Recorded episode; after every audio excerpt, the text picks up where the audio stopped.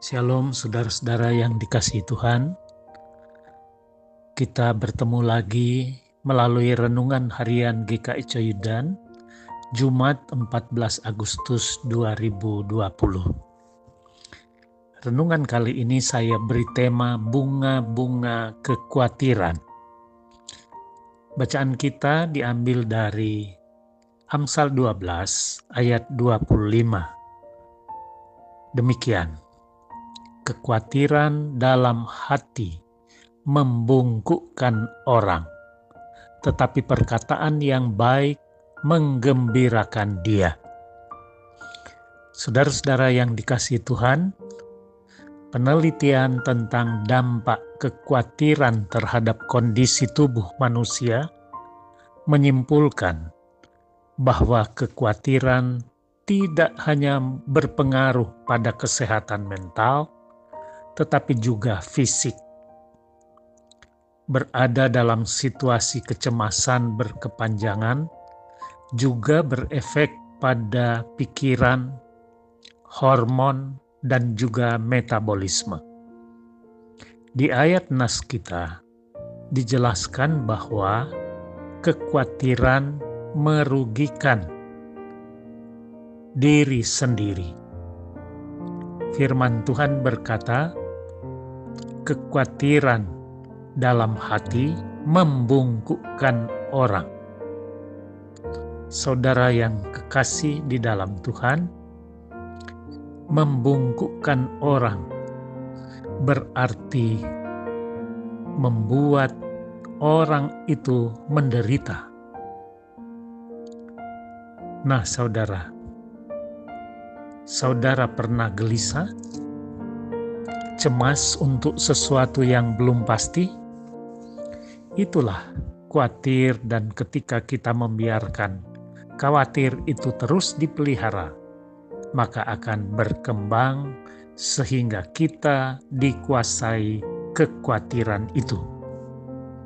Memelihara kekhawatiran mendatangkan bunga, bukan bunga bank atau deposito, melainkan bunga penderitaan bagi jantung, mah, kepala, pencernaan, dan sebagainya. Banyak orang kena migrain, kena darah tinggi, eksim, mah, insomnia, karena memelihara kekhawatiran ini ketika kita dikuasai oleh kecemasan, sebetulnya kita sedang merusak tubuh kita sendiri. Rasa cemas dan gelisah itu menyerap energi dan pikiran kita dalam porsi yang cukup besar, dan efeknya buruk terhadap fungsi tubuh kita memelihara kekhawatiran tidak akan membuat awet muda, malahan bisa membuat kita mati muda. Hidup jadi dikuasai kegelisahan dan kecemasan akan ini dan itu yang sebenarnya belum tentu terjadi.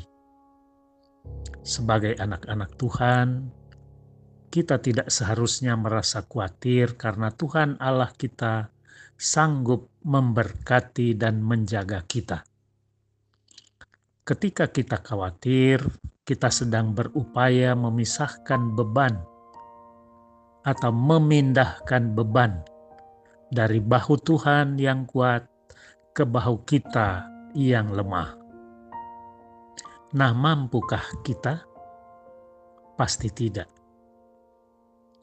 Tuhan bertanya, Siapakah di antara kamu yang karena kekhawatirannya dapat menambahkan sehasta saja pada jalan hidupnya?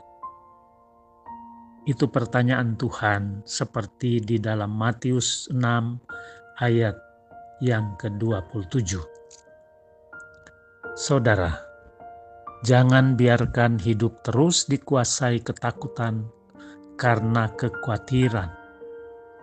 Belajar, kendalikan, dan kembali fokus pada pikiran dan perasaan kita. Kita punya Tuhan yang bisa diandalkan. Dia mampu mengendalikan dan mengatur kehidupan kita. Dia juga tahu dan mengerti jalan hidup kita di depan. Ayub saja mengingatkan kepada kita melalui Ayub 3 ayat 25. Karena yang kutakutkan, itulah yang menimpa aku. Yang kucemaskan, itulah yang mendatangi aku. Ayub 3 ayat 25 Saudara, belajarlah dan berusahalah hidup tenang dalam pengharapan kepada Tuhan. Apalagi di tengah masalah pandemi yang masih mempengaruhi berbagai kehidupan kita di tengah-tengah dunia ini. Oleh sebab itu, saudara,